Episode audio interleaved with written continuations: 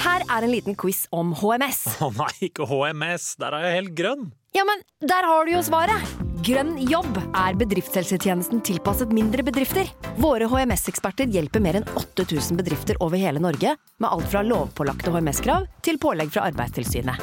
Få på plass bedriftshelsetjeneste på grønnjobb.no. Nå lønner det seg å hamstre påskekosen hos Ark. Ark inviterer nemlig til påskefest med skremmende bra nyheter, pocket fra 99 og 40% på alle spill og puslespill. Ark-påske betyr rett og slett mye påske for pengene.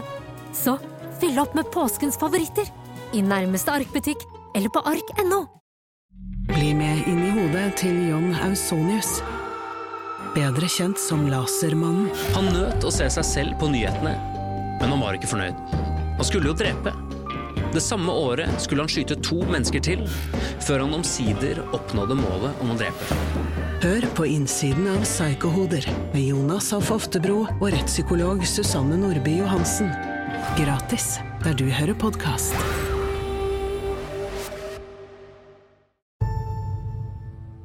Jeg har kjent Jonny Hagelund i 30 år og vært med på noen av reisene hans. Men i denne podkasten kan du være med fotograf og eventyrer Jonny Hagelund på tur til de mest eksotiske steder på denne planeten. Dette er Grenseløs, en podkast fra produsenten av Avhørt.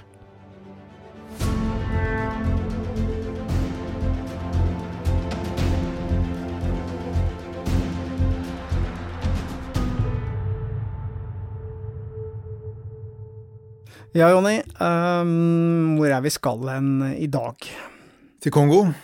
Der har du vært uh, mange ganger.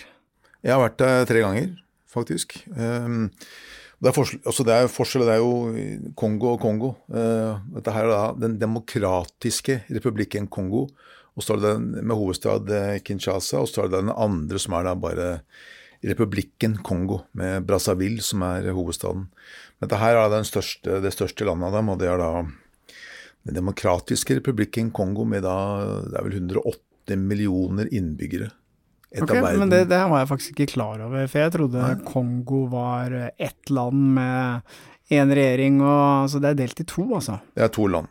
Kongo er to Altså, det er jo forskjellige land, da, men også da Den demokratiske republikken Kongo, og også republikken Kongo. Demokratiske republikken Kongo med Kinshasa som hovedstad, og så er det da republikken Kongo med Brazzaville, Kongo-Brazzaville. Ofte så sier man Kongo-Brazzaville når man omtaler den republikken Kongo, da. Ok, Og vi skal til hvilken av dem i dag? Vi skal til Den demokratiske republikken Kongo, som er da det største landet. Eh, og vi skal helt til øst, da, til et sted som er ganske ja, ganske farlig. Også, jeg vil si Kongo Nå snakker jeg hele tiden om Den demokratiske republikken Kongo, bare så det er klart. da. Jeg ble spurt eh, for ikke så lenge siden hvilke land er det mest spennende i verden altså, i forhold til altså, de landene som jeg har vært i. Da. Jeg drev og fintenkte litt på det. og India er jo høyt oppe, men jeg lurer faktisk på om Kongo også ligger eh, I hvert fall så er det oppe blant de tre beste også, fordi det er et farlig land, det er et vanskelig land, eh, men det er utrolig spennende land også. Det er så mye der som, som, som eh, man ikke veit om, altså, som ikke vi får eh, vite om hvis vi leser aviser og blader i Norge og ser på dokumentarer, så er det liksom Det er fortsatt mye som er totalt ukjent for oss. Ja, for det som er litt sånn paradoks med, med, Kongo, er vel at det er vel en av de landene i verden med mest naturressurser. Ja, Men absolutt. samtidig så er det jo lut fattig pga. korrupsjon og ja. kriging og osv. Ja, altså det har jo vært eh, Det er jo mange mennesker sant, som mista livet i borgerkrigene. Eh, borgerkrigene, sier jeg, det er jo egentlig en borgerkrig, men altså, ja, jeg vet ikke. Det har jo vært konflikter her siden eh, landet ble selvstendig. og det er jo ikke akkurat rolig nå heller. Du har jo f.eks. mange av disse her militsene, sånn som Jackson My My-militsen, Herrens motstandshær, som jeg sikkert har hørt om. Og så er det ADF-geriljaen, ugandisk gerilja, som eh, herjer og holder på inn der. Så det er Altså det er mange grupperinger ja, egentlig mange grupperinger. som kjemper om territorier og makt, det er det ja. du sier? Det er det også, mm. og, og, disse her er ganske farlige, altså fordi jeg, ikke sant, som hvit mann, og da selvfølgelig rik i deres øyne, og det er jo ikke uriktig heller i forhold til de fleste som bor i Kongo, ikke sant, så, så klart at jeg er en godbit hvis de får tak i meg. Og jeg ble fortalt da vi, dette her, Det som snakker om nå, er jo fra Kindu, også østover, da, inn i regnskogene, inn til en, en sånn gullgrue. Eh, og det ble fortalt at hvis du blir stoppa av en av eh, bare stoppa, så vil de forlange noe sånt som 25 000 dollar av meg for å la meg fortsette. 25 000 dollar. dollar. Eh, det har jeg ikke i sekken, for å si det sånn. Eh, men, eh, og da sier han Polaine, som var min tolk på denne turen her, og kjentmann, han er jo, han er jo fra Øst-Kongo, og sa at det som skjer da, at du blir også dem, Da skjærer de hodet av deg, også, i verste fall.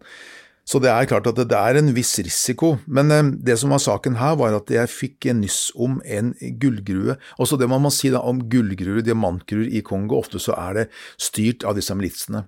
Det er der de finansierer eh, oppkjøp av våpen og sånt. Og så er det mye korrupsjon, og selv om politiet og det militære vet om det, så, så ja, likevel så, så, foregår det. ikke sant? Så, men denne gullgruva her eh, ble fortalt da av min kjentmann her som er en annen fyr som har kjent i mange år, som opprinnelig er fra Belgia. Det er en annen historie, men i hvert fall så sa han det at eh, nå har militsene forlatt det området, så den grua er det nå mulig, eller dagbrudd, er det mulig å besøke for meg. Og Klart at Det er en sånn tilbud som du som er vanskelig å si nei til, for det, det, skjer ikke så ofte. vanskelig å si nei til? Ja, det, jeg hadde ikke hatt noe problem med å si nei til det. Nei, nei, men, å reise inn der. Men uh, du tenkte at det var en god idé, å reise ja, til den gullgruva? Ja, altså, jeg er veldig fascinert av Kongo. også. Du må huske på at det, uh, man kan godt si, sitte her i Norge og si at ja, det er korrupsjon og det er banditt og alt mulig, men vi snakker om et av verdens fattigste land. Folk har ingenting også. Og jeg kan snakke litt om det nå etter hvert, at disse gullgraverne de tjener rundt to dollar dagen på en god dag. Klart at det, altså, Jeg hadde blitt en banditt. Jeg, jeg, hadde, hadde rana folk hadde, for å gi mat til barna mine hvis de hadde tjent så lite. ikke sant? Det, Så man må på en måte ikke se alt fra vårt norske ståsted. Det, eh, men så er det viktig selvfølgelig for min egen sikkerhet å tenke ok, hva kan jeg gjøre for å unngå at det skjer noe med meg, da? for det er selvfølgelig veldig viktig når jeg drar inn i sånne områder. Men hva gjorde du? Ja, Det er akkurat det. ikke sant? Og det er jeg ikke, jeg er ikke stolt av det. Men, men altså, jeg, hat, jeg, jeg, hater jo korrupsjon. Men eh, altså, det er en sånn sikkerhetstjeneste, eh, kalles det, i Kongo. Kort fortalt så er det en gjeng med karer, stort sett, som da har myndighet til å arrestere folk uten rettssak, ingenting, putte dem i fengsel og kaste nøkkelen. Og si at det er greit. Og de, alle alle frykter disse folka her. Så det jeg gjorde, var at jeg måtte bestikke en av disse sjefene for det området her, for den her sikkerhetstjenesten, for at han skulle bli med meg inn i regnskogen. Fordi at Én ting er at disse her eh, militsene de er farlige, og det er en stor risiko, selvfølgelig, og de er ikke sikkert de vil respektere han. Men det er også en annen fare, det er lokale politifolk. De er jo like mye banditter som militsene, fordi de er underbetalte. ikke sant? Og jeg kommer som en, som sagt, som en godbit med mye penger i sekken med, i form av kamerastyr. Så øh, for at de skulle på en måte respektere meg, så, så med han på laget, så turte de ikke det. Nei, men måtte du betale for det, da? Ja. Ja, det, jeg, ja, det var ganske mange tusen kroner også. Ja, det var det. Ja, det var det. Jeg måtte være mange tusen kroner. Men ikke sant, det er, det er, altså, jeg hater korrupsjon, men jeg hater, jeg hater mer tanken på ikke å komme hjem igjen. da. Så Derfor så blei det at jeg da leide han Josef, het han, og han var eh... men, men, du kan jo se på det på en annen måte når du sier korrupsjon. altså Korrupsjon blir jo ofte brukt i den forbindelse med at man betaler for å undergrave noen samfunnsinstitusjoner, da. Det utgangspunktet, det du gjorde da, var å betale en privat en som hadde en eller annen maktrolle, til å være reiseleder og sikkerhetsvakt. Ja. Det var jo egentlig det du gjorde. Ja da. Ja. Hvis vi flytter oss til et annet land, eh, så kan det godt hende at jeg betaler akkurat like mye, men da kaller han seg ikke sant, en eh, privat sikkerhetsservice og, og skriver faktura. ikke sant? Så, så, det blir på en måte det samme, selvfølgelig. Men likevel, altså, så det er alltid ubehagelig. fordi at det, når du betaler ikke sant, penger i bestikkelse, så, så, gjør du på en måte noe som er ulovlig. ikke sant? Så det er jo Ja.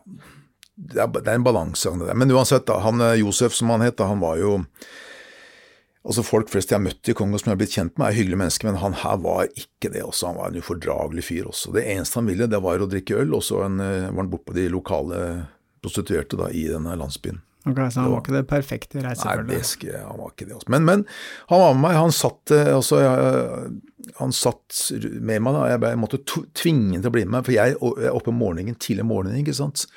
For å gå inn da, til denne her, Det er jo en kilometer eh, å gå i elv for å komme dit, så det er liksom inn midt i tjukke regnskogen. ikke sant? Og Han måtte da opp til om morgenen, gå med vann opp til knæra.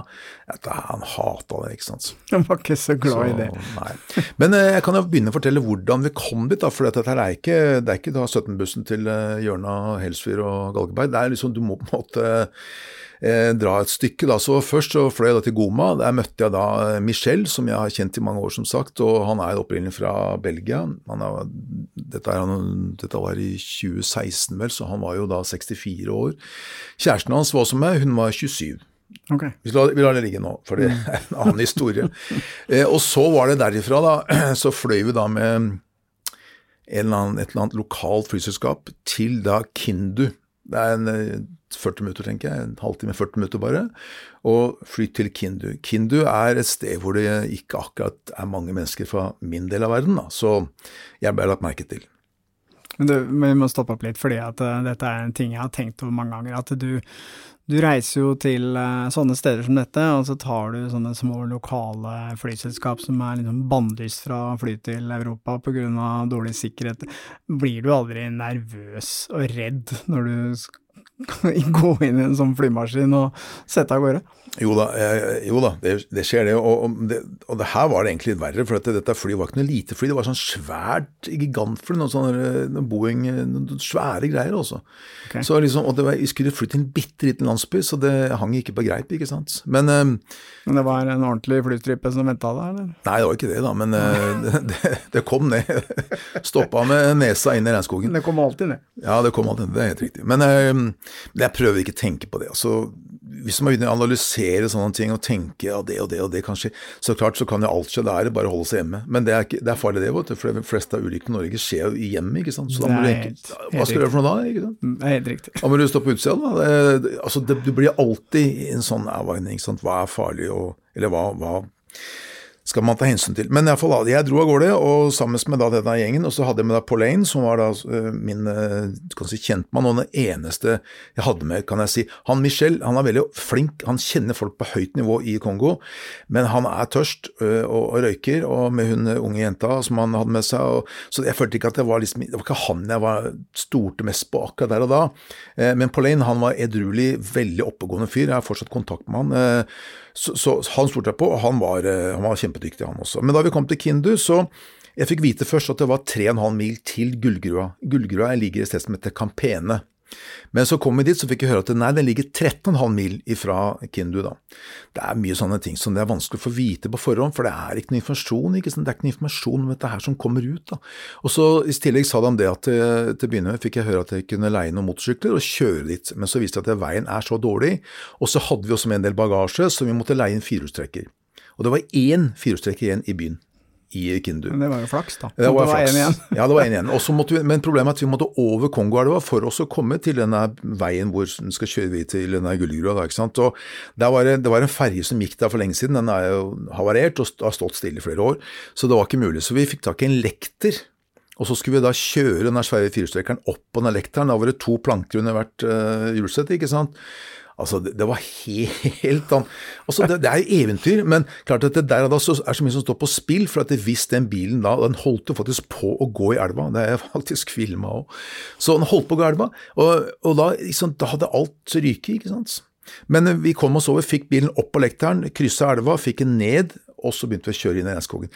Problemet er det at han Pauline sa det, at uh, i området her så skal du helst ikke kjøre på kvelden i natta, for det er da ofte disse her militsene er ute og samfarer landsbyer og sånt, og raner og voldtar, og det er ikke måte på, ikke sant. Så, men fordi at han Josef, da, han uh, sikkerhetstjenestemannen, han, han så det er litt sånn, uh, det, det kan jo sies at i Kongo sånn generelt, så er, vi gjør avtale, jeg kommer klokka åtte, så kommer jeg klokka ti.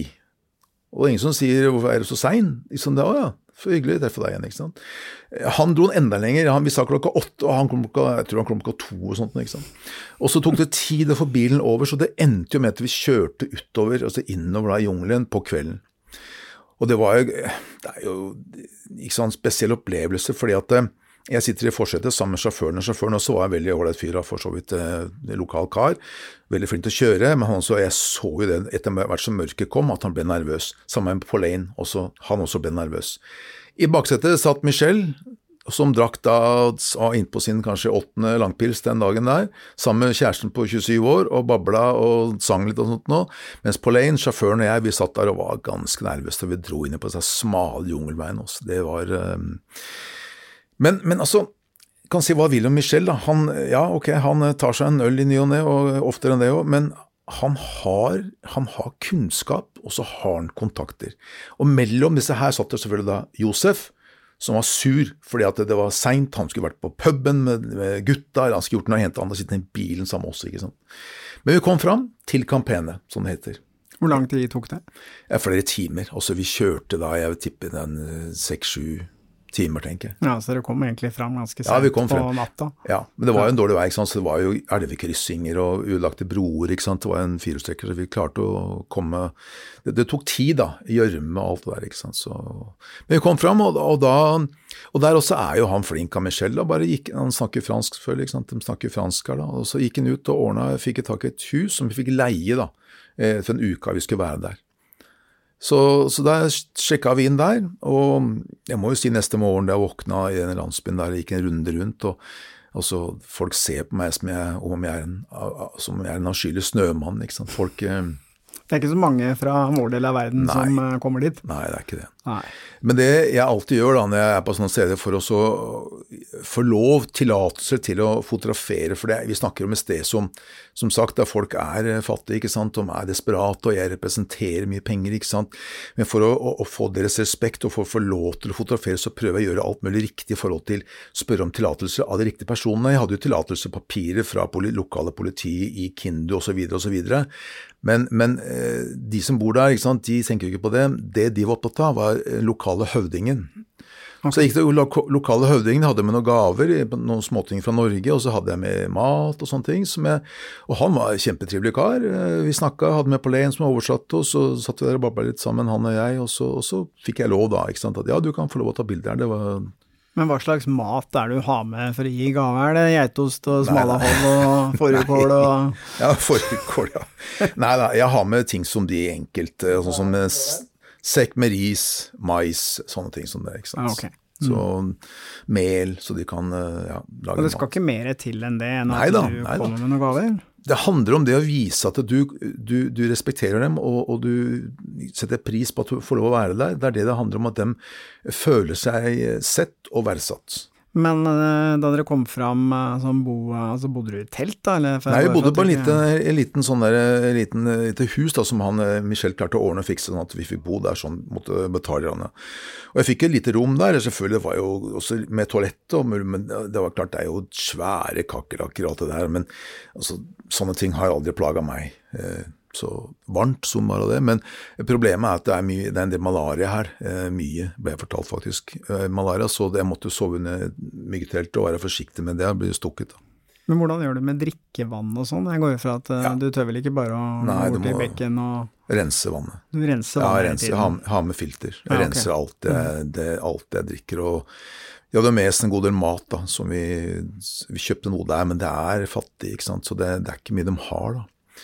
Men eh, og En annen ting også som jeg reagerte på ganske tidlig, var at eh, Michelle var jo som sagt da 64, og jeg var jo da over 50, så, og vi var de to eldste.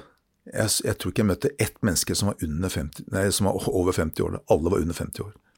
Og Det ble fortalt eh, Etterpå fikk jeg vite også en annen grunn, men en av grunnene var jo malaria, blant annet. Men også fordi at det, det er et sted med gull, ikke sant. Og finner du gull her sånn, så jeg, jeg snakka mest med Tikianga Ferris, en gullgraver ung mann. da Han fortalte at hvis du finner gull her sånn, så må du ikke finne på å si at, eh, til andre folk at 'jeg finner gull, jippi, ja, hippie, så glad', ikke sant. Ta gullet, stikk, kom aldri tilbake. He was 20 years, right? I mean, we're, we're working here for 10 years. Okay. Uh, his name was Ma... Zaid. Zaid. Zaid. I 2014 så fant de en fem kilos gullkladd. En mann her men han er borte. Han forsvant, gullet forsvant. Ingen veit hvor han er hen, sier landsbyhøvdingen. Og eh, ja, Det var fem stykker som ble drept i fjor, nei 2014 i fjor. Fem stykker ble drept, brent på bålet som hekser. I Bunya-distriktet var det tre, og så var det et annet distrikt hvor det ble brent to stykker. Så de tror veldig mye på hekser og trolldom.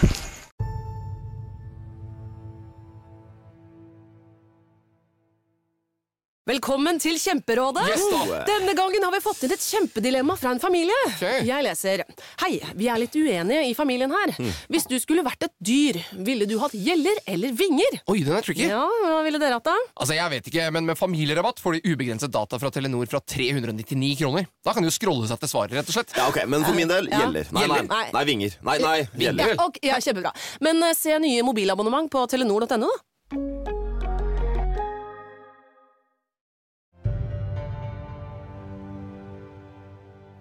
Fordi han fortalte om en venn som fant gull for en stund tilbake. En gullklump som var verdt en del penger, da. ikke sant? Eh, og han feira og gikk på puben og spanderte på gutta, og plutselig var han borte. Og han har aldri sett den siden. Verken gull eller gubben. Ok, så det var Det er lurt å ligge lavt hvis, Ja, du, det skal ligge lavt. hvis du finner noe. Men iallfall altså fra da, fra da Campene så går vi da inn, altså vi går en elv da, til, inn til denne her gullgrua. Eh, hvorfor går en elv? Det er ikke så, det er, jo bare opp i knærne med vann, men derfor er det lettere å gå der enn å gå i sjølve regnskogen, for det er tjukk regnskog. Og Da kommer vi til et svært dagbrudd. altså Det er bare gjørme, gjørmehull midt i regnskogen. Her jobber rundt 1000 mennesker. Tusen. 1000 mennesker, ja. Det er litt forskjellig hvor mange som er der altså til ti, hver tid, enhver tid, men jeg tenker på det meste så har opplevd jeg kanskje 300-400 mennesker som jobba der samtidig. Men, men er det da organisert? Er det et firma som Nei, altså- driver og ansetter folk, eller er det bare liksom folk som strømmer til for å så altså det, det, På egen hånd. to, det, er det, er, jo litt forskjellig, da, men også eksempel har fortalt meg det at det er, det er noen da, som, blir an, som blir ansatt måte, da, av et selskap som graver etter gull der. Og de tjener to dollar dagen uansett om de finner eller ikke finner gull. Og så er det frilansere, som han Kianga Ferry som jeg ble kjent med, som da graver på egen hånd. Da får du slags uh, løyve til å grave, da, ikke sant. Et, ikke skjerp, egentlig, for det hele greia er jo på en måte en svær svært gjørmehull bare som folk kan grave i, men, men du får på en måte en lisens da du betaler kanskje for å få lov å grave der. Og så beholder du det du finner, da. Okay. Så, men det er klart, det er jo, det er jo ikke mye du finner, men altså Ja, det er, det er noe. Men eh, klart, problemet da, som for meg å komme dit eh, med så mange hundre mennesker eh, så kommer jeg med kameraet mitt ikke sant, og skal ta bilder. Så Første dagen tok jeg ikke ett eneste bilde, fordi at eh, de blir litt, litt redde, de blir litt skeptiske, de blir litt eh, aggressive, noen. Eh, og så er ikke det kommet fra at noen er jo også rusa, altså. Eh, det er en måte å på en måte, kanskje rømme litt ifra hverdagen, ikke sant. Der, det er en tøff hverdag de lever her også. Og så ruser de seg. Så jeg må være, måtte være veldig forsiktig. Men det var det fortalte meg han Pauline, det var en veldig god ting, og det var at det var mange kvinner som jobba der. Og jeg skjønte jo ikke helt hvorfor det. Jo, fortalte han det at fordi at eh, disse militsene, de har en sånn eh, Det er noe med Kongo der som er med voldtekter. Og kvinner de beveger seg ikke ut av huset sitt nesten, også i områder hvor det er militser, for de, faren for å bli voldtatt er visst veldig stor, da, ble jeg fortalt. Men her jobba det kvinner, så hvilket betyr da at eh, militsene har forlatt stedet. De er ikke i området i eh, det øyeblikket, iallfall ikke de, dagene jeg var der. da. Eh, og de damene også, du, altså, det, det var de arbeidere, altså. De jobba, de sto nedi denne her, dette gjørmegreiene her og gravde og holdt på, også tøff, ordentlig tøffinger også. Så, og så var det litt krangling da, mellom gullgraverne. ikke sant? For at hvis du graver på et sted, og så finner du noe, så finner ikke han som står to meter unna, finner ikke han noe, så blir han sinna ikke sant? for han ikke finner noe. Så det var en del slåsskamper, og sånn som en dag ble jeg fortalt at da, da kunne vi ikke gå inn der, for da var det masseslagsmål. Og så kom politiet, bevæpna politi inn der ikke sant? Og, og skulle stoppe dette her. En annen dag vi kom dit, og da redda han Så du kan si han Josef, da, at han Jeg var liksom ikke så happy med han, men han redda vel, eh, om ikke livet mitt, så redda han meg i hvert fall eh, ut av en kinkig situasjon, fordi en dag kom vi inn der, han gikk bakerst, Josef alltid langt bak, for han var, han altså, var kjedelig og sliten og alt det, varmt og alt mulig. Kom inn i julegrua, eller det dagbruddet, og, og jeg også på Lane, og så står det da en del politifolk der med svarte solbriller og svarte sånne beretter, hva det kalles for noe, også svære maskingeværer. Lurer på hva i svarte jeg driver med her, ikke sant. Og så ordentlig sånn at uh, pirker bort meg med maskingevær og sånt noe. Og så Pollen prøver å forklare, ikke sant. Uh, altså, vi har lov til å være her og alt det der og sånt noe. Nei, dere har ikke lov til å være her. Det er ubehagelig også. Men så kommer Josef, og så roper Pollen på Josef, og så sier Josef to-tre ord, og så ser de gutta med en gang steller seg opp, og så i vakt, og bukker og neier til meg også. Så det var, det var verdt penga, det Ja, sånn. og da tenkte jeg at ålreit, de tusenlappene jeg betalte han, det var faktisk til syvende at han var litt sur også. Han var sur, Han- han var Det, får bare, det får jeg bare, måtte jeg bare finne meg. Men, og da var det helt greit. Da, da, da, da bare gikk dem. Også. Du så med en gang at dette her var en fyr de ikke skal komme på kant med. Så, så det var en merkelig Men fikk du vite noen gang hva han sa for noe? Nei, jeg aner ikke. Nei. Jeg, bare, jeg, jeg tipper han sa noe sånt som at uh, han er med meg, tuller med han og tuller med meg. Noe sånt noe som det, tenker jeg han sa. For han var, han var faktisk streng og så liksom litt sånn autoritær ut akkurat i det øyeblikk der. Ellers så var han jo halvfull med på øl og sånt. Og, og den ene dagen da, hvor vi eh, ikke fikk lov å gå inn, i, inn der pga. det slagsmålet, da måtte vi tilbringe dagen i Campene. Da og da, på, da skulle han vise vei, da skulle han være guide, han Josef, og da var vi inne på lokale puben. Altså, ja, det er jo forferdelig å høre, å fortelle dette her, men også da, der var det da eh, fem-seks damer, ikke sant, han hadde jo prøvd alle sammen. Og det hadde de andre gjort òg, visstnok både sjåføren og Michelle, selvfølgelig. så da fortalte han Da kom med altså, anbefalinger av hvem jeg burde prøve, da, liksom hvem som var, og hun kostet, Den ene kosta 89 kroner natta og sånt. Men så, Jeg tok jo bilder, jeg snakka med jentene, jeg intervjua dem og snakka med dem, og, og, og spanderte litt mat på måte, og snakka med dem. Det var, det var ganske hyggelig. Og så, men de var overraska av at jeg ikke, ikke ville noe mer. Men, Ja, de eh, var ikke vant til det. Nei, det var de ikke vant til også. Men klart på den annen side var jeg heller ikke vant til folk fra min del av verden. Altså. Nei. En merkelig opplevelse, men, eh, men ja. Det, og det er, det er også en morsom sak. Jeg kommer jo inn med kamera, ikke sant. Og så sitter en gjeng karer der, ikke sant? gamle gullgravere. «Å, Det er ikke noe bilde her inne! Nei, Sett til helvete, få bort det kameraet! ikke sant? Og så sier jeg gutter, er dere tørste, eller? Jeg tar en øl, jeg. Ja. «Å, ja, ja, kult, ikke sant. Og så fikk de en øl hver og drakk dem, og da bare, kunne jeg bare fotografere. Jeg tok bilder, ikke sant. Så ølen var tom, så var det «Øy, ikke noe bilde der inne, ikke noe bilde der inne. Så det var så, da, Så lenge du betalte for øl i glasset, så var ja, det Ja, greit. så var det greit, da kan jeg fotografere. og så. Liksom, men, men det har en sånn holdning som det, det virker som en gang sånn skremmende, men så, det, er mye, det er mye spøk i det òg. Fordi jeg snakka litt med dem etterpå, så, så, så ble det liksom litt tull, og vi, da var det, lo vi litt sammen og sånt, og da var de litt sånne bråkjekke. Men så det, det er mye, mye humor også da i dette her, ikke sant. Ja, så alt er ikke livsfarlig. Nei da, nei, nei, nei, eh, nei, nei, nei, nei Kanskje ikke en måte å. Å være på, da. Ja. Mm, tøffe seg litt. Ja da, så, sånn sett så følte jeg meg ikke trua der. Klart at eh, de politifolka, eh, Problemet der er at jeg kunne blitt arrestert og satt i et fengsel ikke sant, i en regnskog i østlig Kongo. Det er ikke mange som kommer og redder deg ut da. ikke sant, Så, så det var det som var frykten der. Og selvfølgelig militsene, da. Det også er en fare. Men eh, det som er interessant, er jo at eh, altså 98 visstnok av gullet som utvinnes i, i eh, Kongo, er av ufaglærte.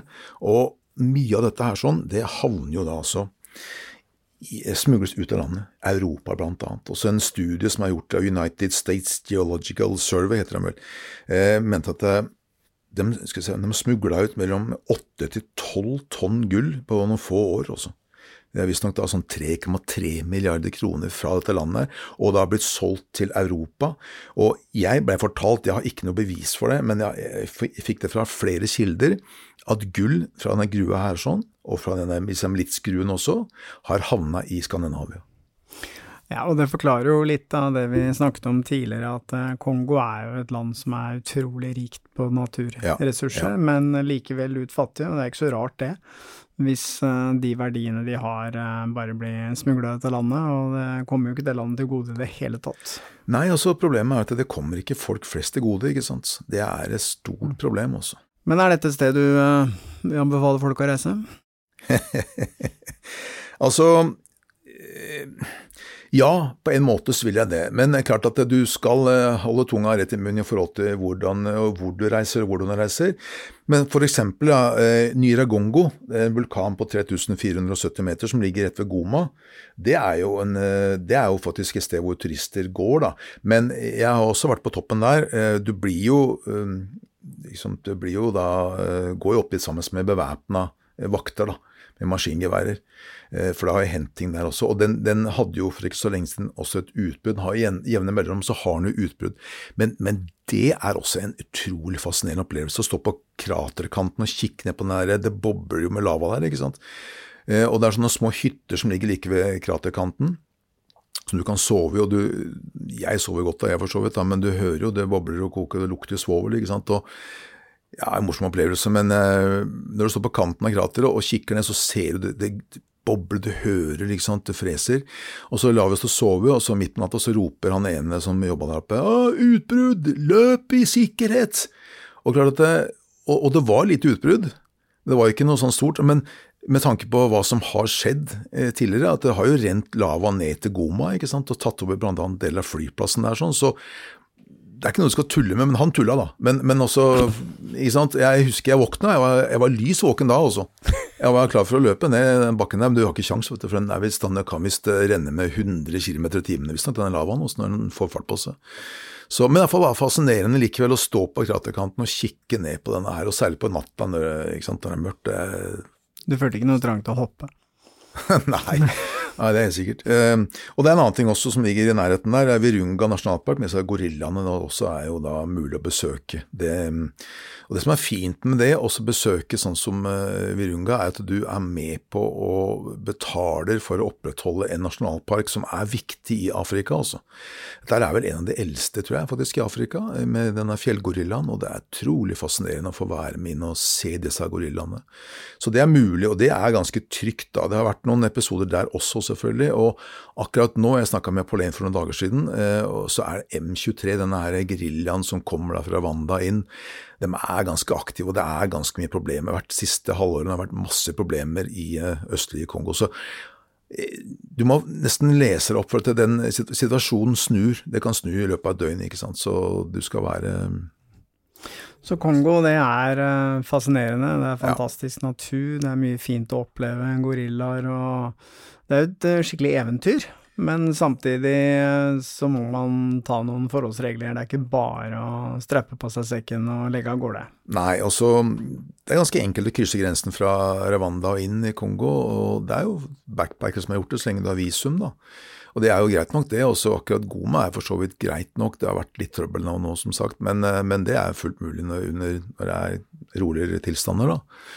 Men det er, altså, det er eventyr. Men ja, det, det er veldig spennende land. Men har du lyst til å reise tilbake?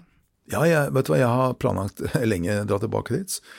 Eh, faktisk, jeg har det. Men eh, problemet er at den turen jeg har tenkt på nå, den, den innebærer at jeg er nødt til å leie ikke bare én, men flere bevæpna folk da, for, også, for min egen sikkerhet. da. Så jeg må, jeg må spare litt penger først, for jeg får, kan For det er ikke billig. Nei, det er ikke det, ikke sant. Eh, Fordi at du De veit du er avhengig av dem, ikke sant. De tar seg betalt deretter, da. Men øh, nå skal vi innføre en ny sånn øh, skala, har jeg litt lyst til. Hvis Ja. vi sier sånn fra én til fem, da. Hvor fem er øh, kjempefarlig, og du må ha masse, masse vakter og, osv.. Og én er altså, kom, Hvor havner Kongo? Det er vel på fire, tenker jeg, da. Eh, Ok, så det finnes land der ute som ja, mener er verre? Ja, just det. Du, du, det, eh, det er land som er eh, farligere, ja. Det er det. Men eh, da er det mer kanskje krig også. Men ok, fire pluss, da.